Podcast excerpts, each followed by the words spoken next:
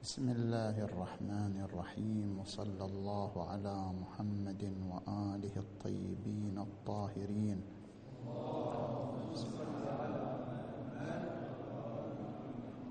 ما زال الكلام في الاستدلال بالروايات الشريفة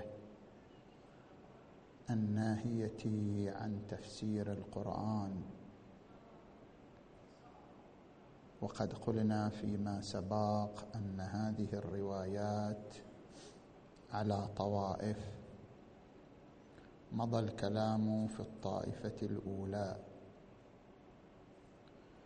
ويقع الكلام فعلا في الطائفة الثانية.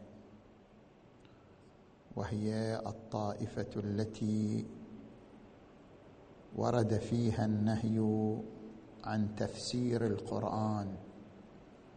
من دون تقييد بكونه تفسيرا بالرأي أو تفسيرا بالناقل أو تفسيرا بغير ذلك. ففي تفسير فرات بن إبراهيم عن الحسين بن سعيد بإسناده إلى أبي جعفر عليه السلام إنما على الناس أن يقربوا القرآن كما أن يقرأوا القرآن كما أنزل. فإذا احتاجوا إلى تفسيره فالاهتداء بنا وإلينا. وفي تفسير العياشي عن عمار بن موسى عن أبي عبد الله عليه السلام قال من فسر آية من كتاب الله فقد كفر. وفيه أيضا عن عبد الرحمن بن الحجاج قال سمعت أبا عبد الله عليه السلام يقول ليس شيء أبعد من عقول الرجال عن القرآن وعن زراره عن أبي جعفر عليه السلام قال ليس شيء أبعد من عقول الرجال من تفسير القرآن إن الآية ينزل أولها في شيء وأوسطها في شيء وآخرها في شيء. وفي رواية جابر بن يزيد قال سألت أبا جعفر عليه السلام عن شيء من التفسير فأجابني. ثم سألت عنه ثانية فأجابني بجواب آخر. فقلت كنت أجبتني في هذه المسألة بجواب غير هذا. فقال يا جابر إن للقرآن بطنا وللبطن بطنا وله ظهر وللظهر وللظهر ظهر. يا جابر وليس شيء أبعد من عقول الرجال من تفسير القرآن.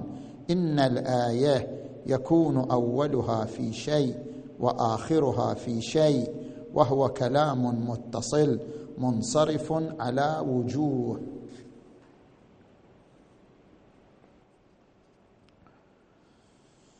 وهذه الروايات الشريفة ظاهرة في حصر تفسير القرآن بأهل بيت العصمة صلوات الله عليهم أجمعين بحيث لا يمكن الأخذ بالظاهر.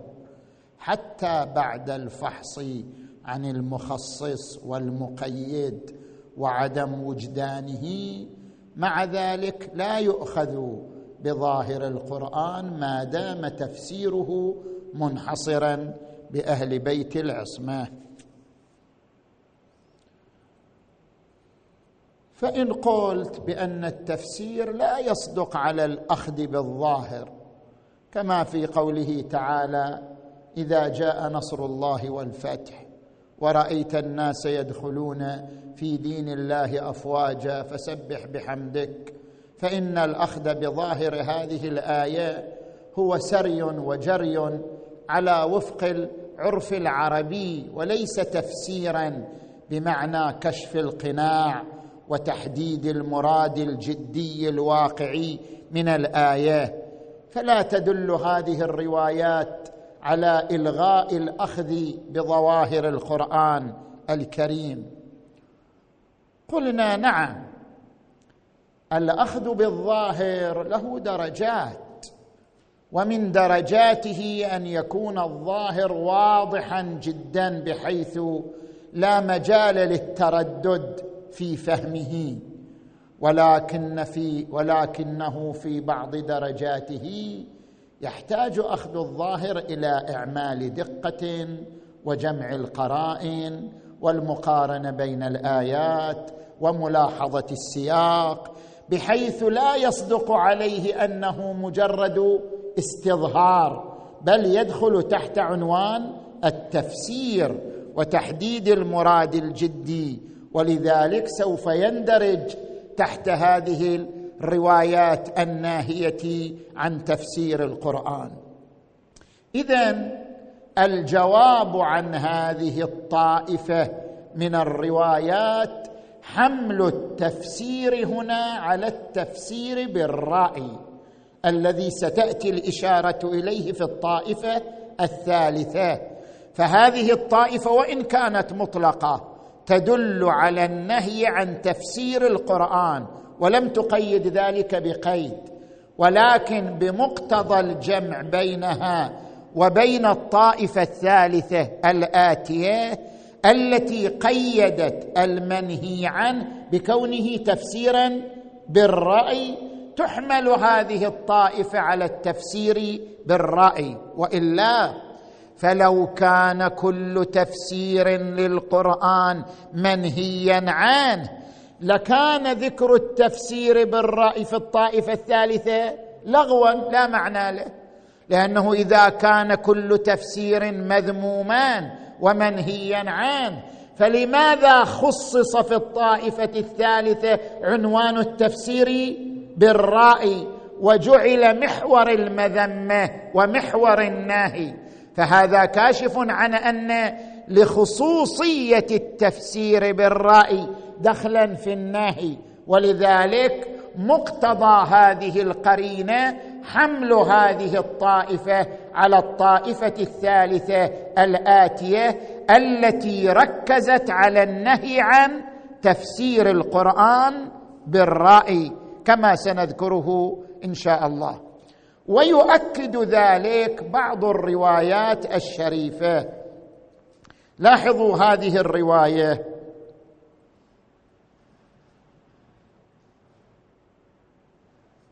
عن أمير المؤمنين علي عليه السلام في احتجاجه على الزنديق أنه قال إن الله قسم كلامه ثلاثة أقسام فجعل قسما منه يعرفه العالم والجاهل وقسما لا يعرفه إلا من صفى ذهنه ولطف حسه وصح تمييزه ممن شرح الله صدره للإسلام.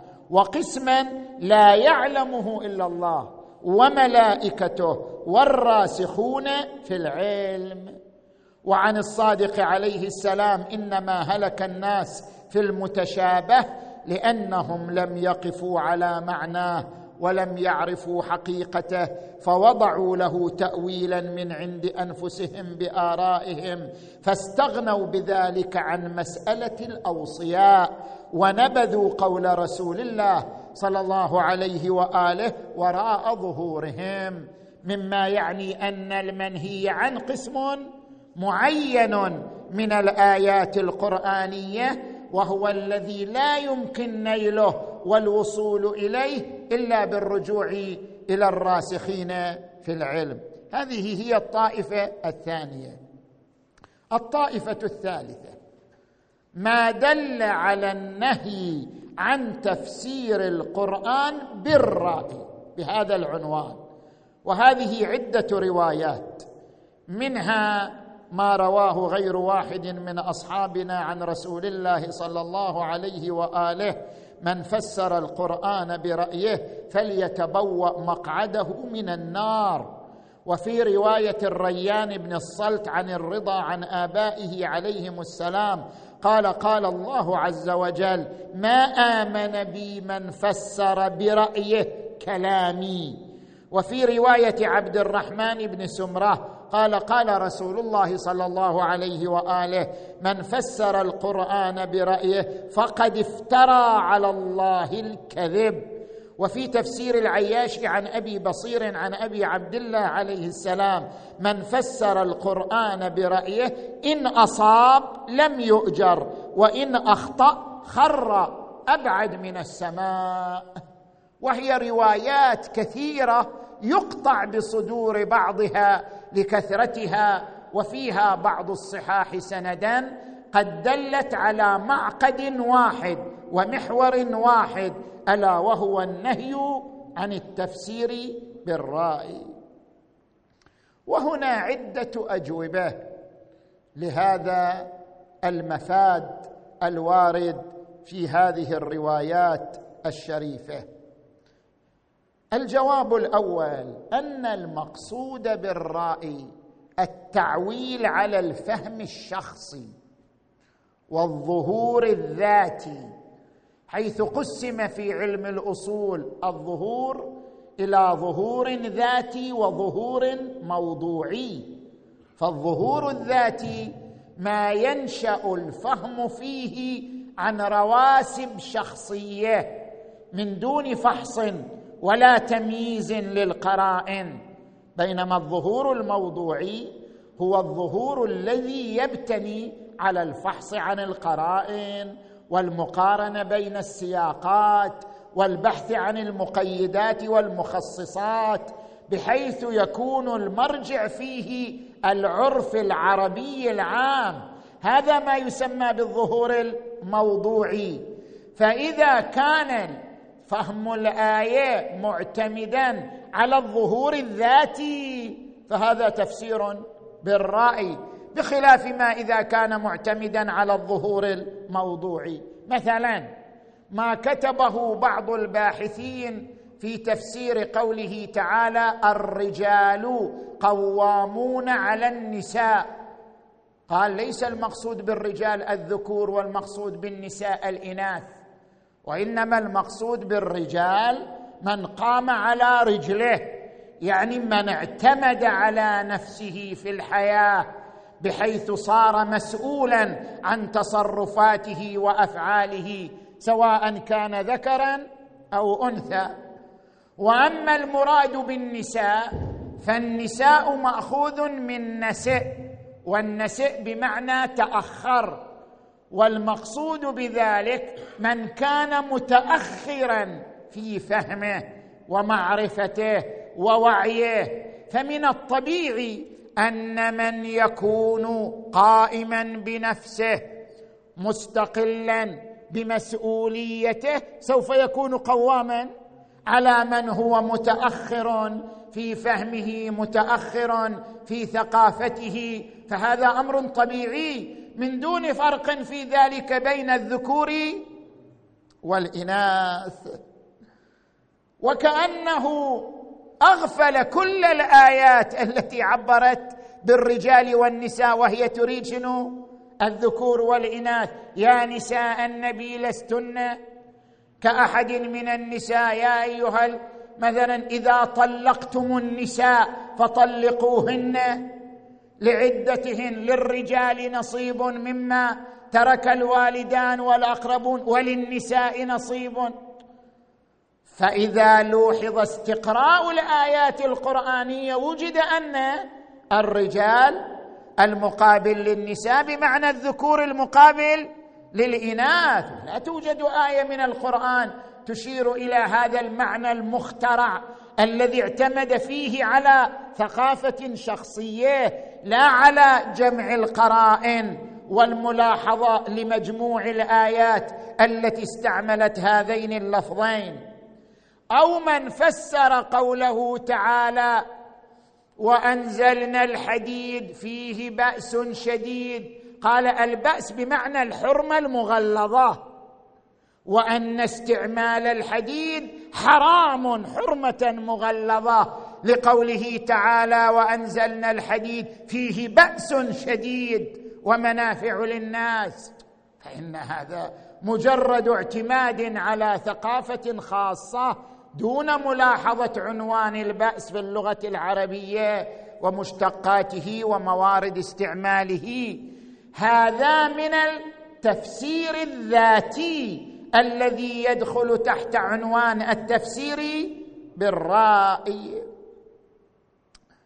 الجواب الثاني أن المراد بالتفسير بالراي هو محاولة إخضاع القرآن للرأي الشخصي.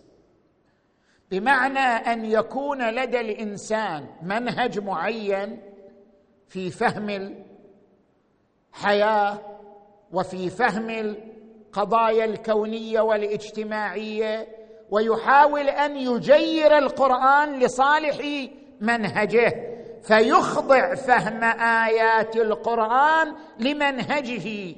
فهذا ممن لا يعترف بمرجعية القرآن وإنما المرجعية لمنهجه وثقافته الخاصة. ويحاول إخضاع فهم القرآن لمدرسته أو لمنهجه. ومن هذا القبيل ما قام به الأشاعرة حيث فسروا مجموعة من الآيات بمقولة الجبر التي يعتقدون بها في رتبة سابقة على النظر للقرآن الكريم. ففسروا قوله تعالى فمن يرد الله أن يهديه يشرح صدره للإسلام وقوله تعالى يهدي من يشاء ويضل من يشاء فسروها بأنها تعني أن الإنسان مجبور على الضلال والهداية لأن القرآن نسب الإضلال والهداية إلى الله تبارك وتعالى.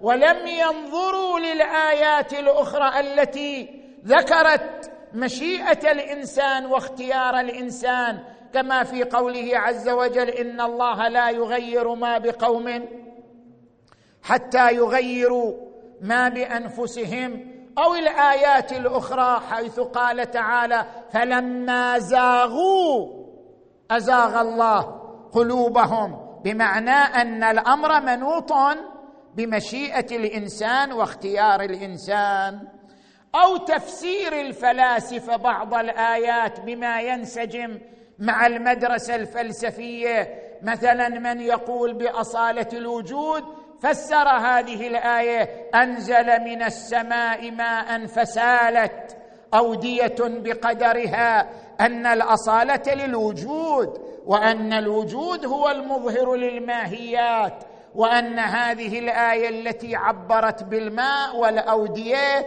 والمقادير كلها كنايات عن العلاقة والنسبة بين الوجود والماهية.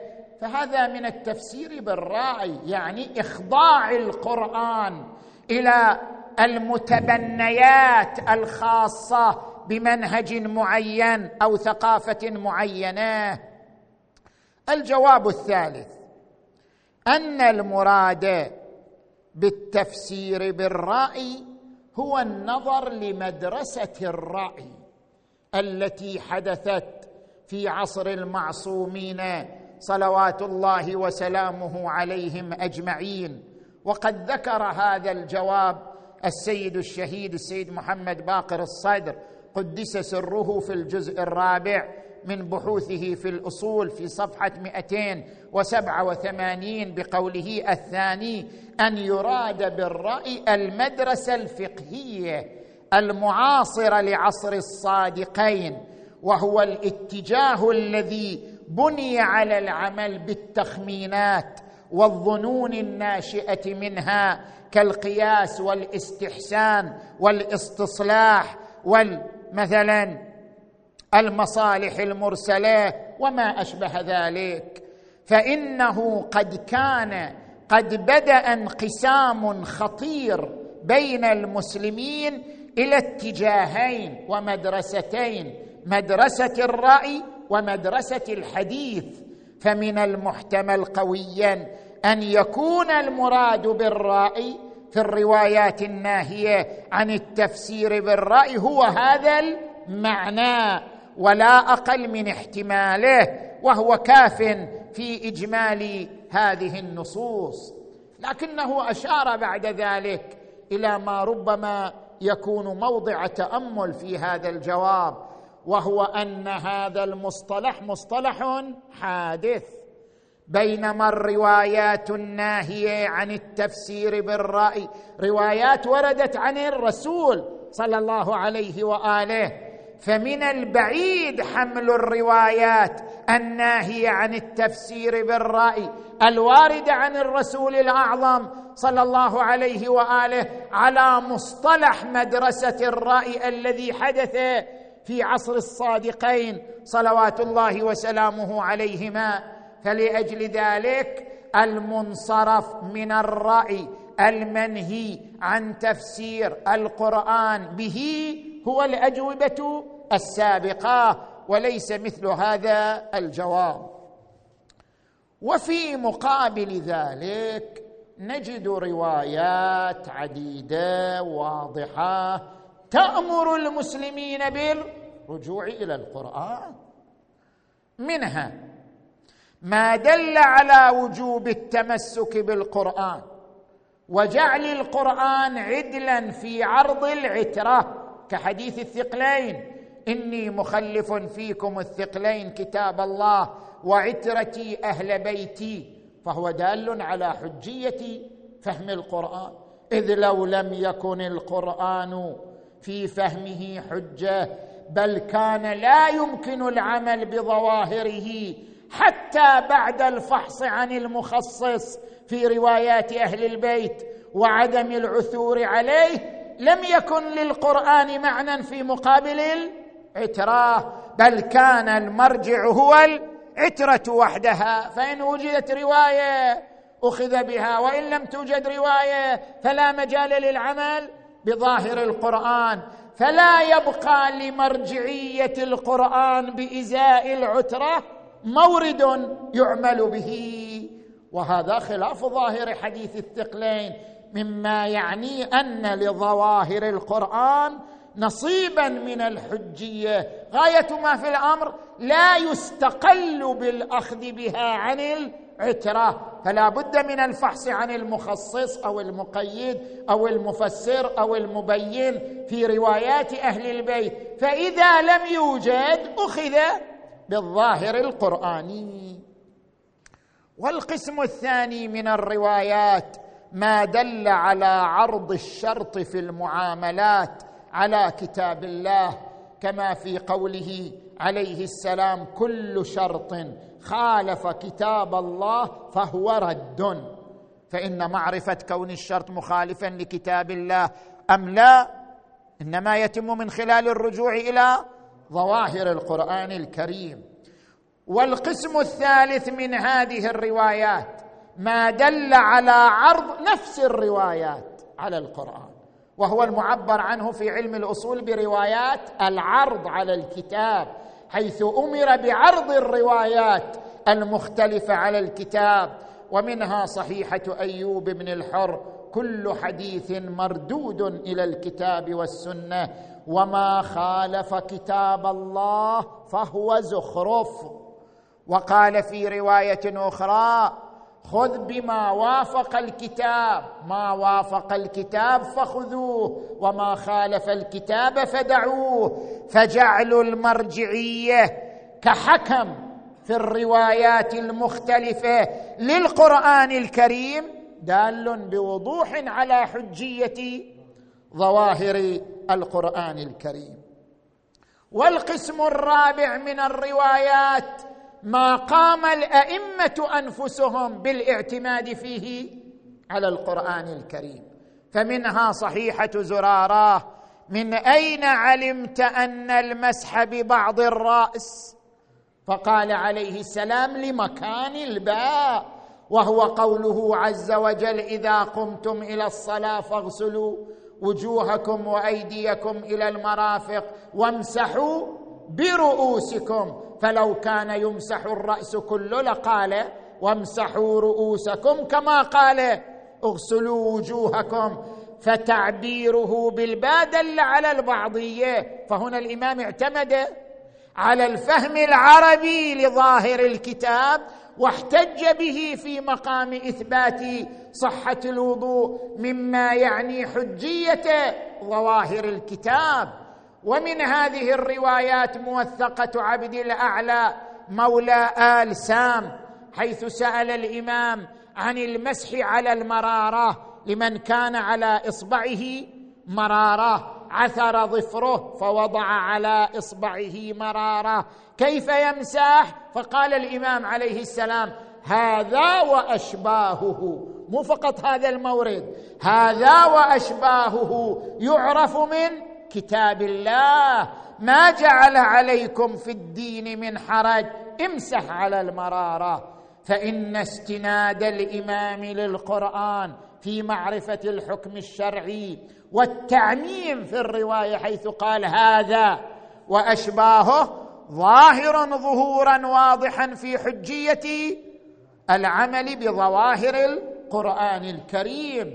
اذا مقتضى الجمع بين هذا القسم من الروايات والروايات الناهية عن التفسير أو التفسير بالرأي أن المراد بالتفسير بالرأي إما الأخذ بالظهور الشخصي أو تجيير القرآن وإخضاعه للثقافة الخاصة لا أن المراد بالتفسير بالرأي العمل بظواهر القرآن على ضوء العرف العربي العام. والحمد لله رب العالمين وصلى الله على محمد وآله الطيبين الطاهرين.